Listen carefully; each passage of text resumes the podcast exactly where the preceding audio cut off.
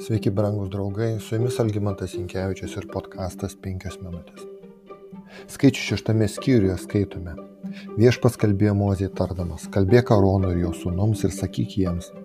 Taip laiminsite Izraelitus, sakykite jiems. Viešpas te laimina ir te saugo tave. Viešpas te nušviečia tave savo veidu ir te būna tau maloningas. Viešpats te pažvelgia į tave maloniai ir te suteikia tau ramybę. Taip jie tars mano vardą Izraelitams, o aš juos palaiminsiu. Skaitydama šios žodžius, nejučiom suprantu, kad tai yra maldos žodžiai, kurių pats viešpats moko savo žmonės. Kaip ir po daugybę šimtų metų Jėzus mokė savo mokinius maldos Tėve mūsų. Kadangi tai yra tiesioginė paties Dievo kalba, šie žodžiai be bejonės yra labai svarbus. Palaiminimo struktūra yra trys dalis kurių pabaigoje yra pažadai palaiminti.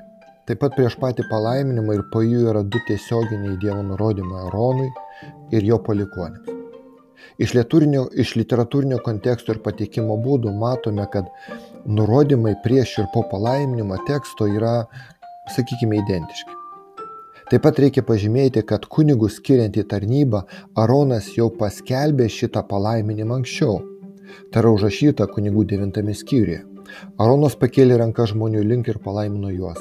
Paukojęs auką už nuodėmę, deginamąją auką ir bendravimo auką, jis nulipo žemę. Tada Mozė ir Aronas įėjo į sutikimo palapinę. Išėję jie palaimino žmonės ir viešpatie šlovė pasirodė visiems žmonėms. Iš viešpatės artumo išėjo ugnis ir sudegino deginamąją auką bei taukus ant aukuro. Tai matydami visi žmonės šaukė iš džiaugsmo ir puolė veidų žemę. Sustokime šiek tiek prie šito teksto. Žmonės išgirdę palaiminimą tapo liudininkais iki šiol nematyto dalyko.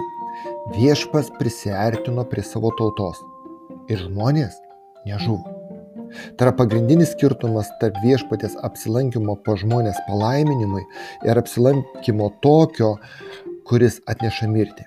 Kaip skaitome apie Sodomą ir Gomorą, kai viešpats pasakė, kad turėjau nužengti ir pamatyti, ar jie iš tikro elgesi, kaip skelbė mane pasiekė šauksmas, Taip, aš, taip ar ne sužinosiu. Pradžios 18 skyrius. Abiem šiais atvejais viešpats kreipėsi į žmonės, tačiau Sodomos gyventojai žuvo ugnyje ir sieroje, o izraelitai sušuko iš džiaugsmo ir garbino Dievą. Pačia palaiminime mes matome idėją priartinti, jeigu taip galim pasakyti, prisiartinti Dievo prie žmonių. Bet jis apsaugo žmonės nuo savo šlovės, kad jie nežūtų. Kaip Mozė pamatęs Dievą stovėjo olos plyšyje, o pats viešpats jį uždengė ranką išėjimo 33 skyrius. Tačiau viešpas prieartėja dar arčiau ir įdėmiai, jeigu taip galima pasakyti, žvelgia į žmonės ir šis žvilgsnis teikia malonę žmogui. Nuodėmingui žmogui nėra brangesnės, nuostabesnės dieviškos savybės kaip Dievo malonė. Ir kai žmogus supranta tai, jam tą suteiktą Dievo gailestingumą, Dievo atleidimą, žmogaus širdį užpildo nuostabi Dievo ramybė. Du kartus palaiminime kalbam apie Dievo veidą. Tai labai svarbi izraelitams ir ne tik jiems savoka. Dievas sako, mano įnešis užsidegs tą dieną ant jų, paliksiu juos ir paslėpsiu savo veidą nuo jų. Jie bus lengvai sunaikinami, ištiks juos daug baisių nelaimė. Jis pakartota įstatymą 31 skyrius. Girdite, Dievas paslėps savo veidą ir jie bus lengvas grobis. Panašiai Jobas klausė, kalbėdamas apie Dievo veidą ir sako, kodėl slėpi savo veidą ir elgėsi su manimi kaip su priešu. Joba 13 skyrius. Tai yra, Dievo veido slėpimas nuo žmonių reiškia atimimą nuo žmonių palaiminimą ir jų, jeigu taip galime pasakyti, panirimą į neviltį. Be Dievo. Bet mes skaitome ir kitus žodžius, kai viešpats atsuka veidą prie žmogų. Aš atgręšiu savo veidą į kraują valgantį žmogų ir pašalinsiu tą žmogų iš jo tautos.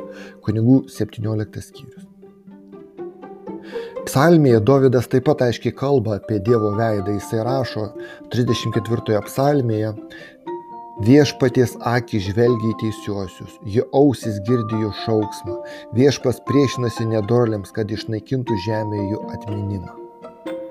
Brangus draugai, lygiai taip, kaip paprašyta Arono maldoje, viešpats Jėzus, ateidamas antrą kartą, grįždamas antrą kartą į žemę, prieartės prie visų žemės gyventojų. Nedorėlis negalės ištverti jo ateimo dienos ir pražus nuo Dievo veido šlovės. Teisėjai, tai yra tie, kurie priėmė Kristaus atleidimą ir Kristaus išteisinimą, susitiks su juo veidas į veidą. Jie susitiks su Kristumi be baimės, o su džiaugsmu ir Dievo ramybė širdyje. Brangieji, ar jūs priimėte Kristaus atleidimą ir pasiruošę jį sutikti veidas į veidą? Su jumis buvo penkios minutės ir Algymantas Jankievičius.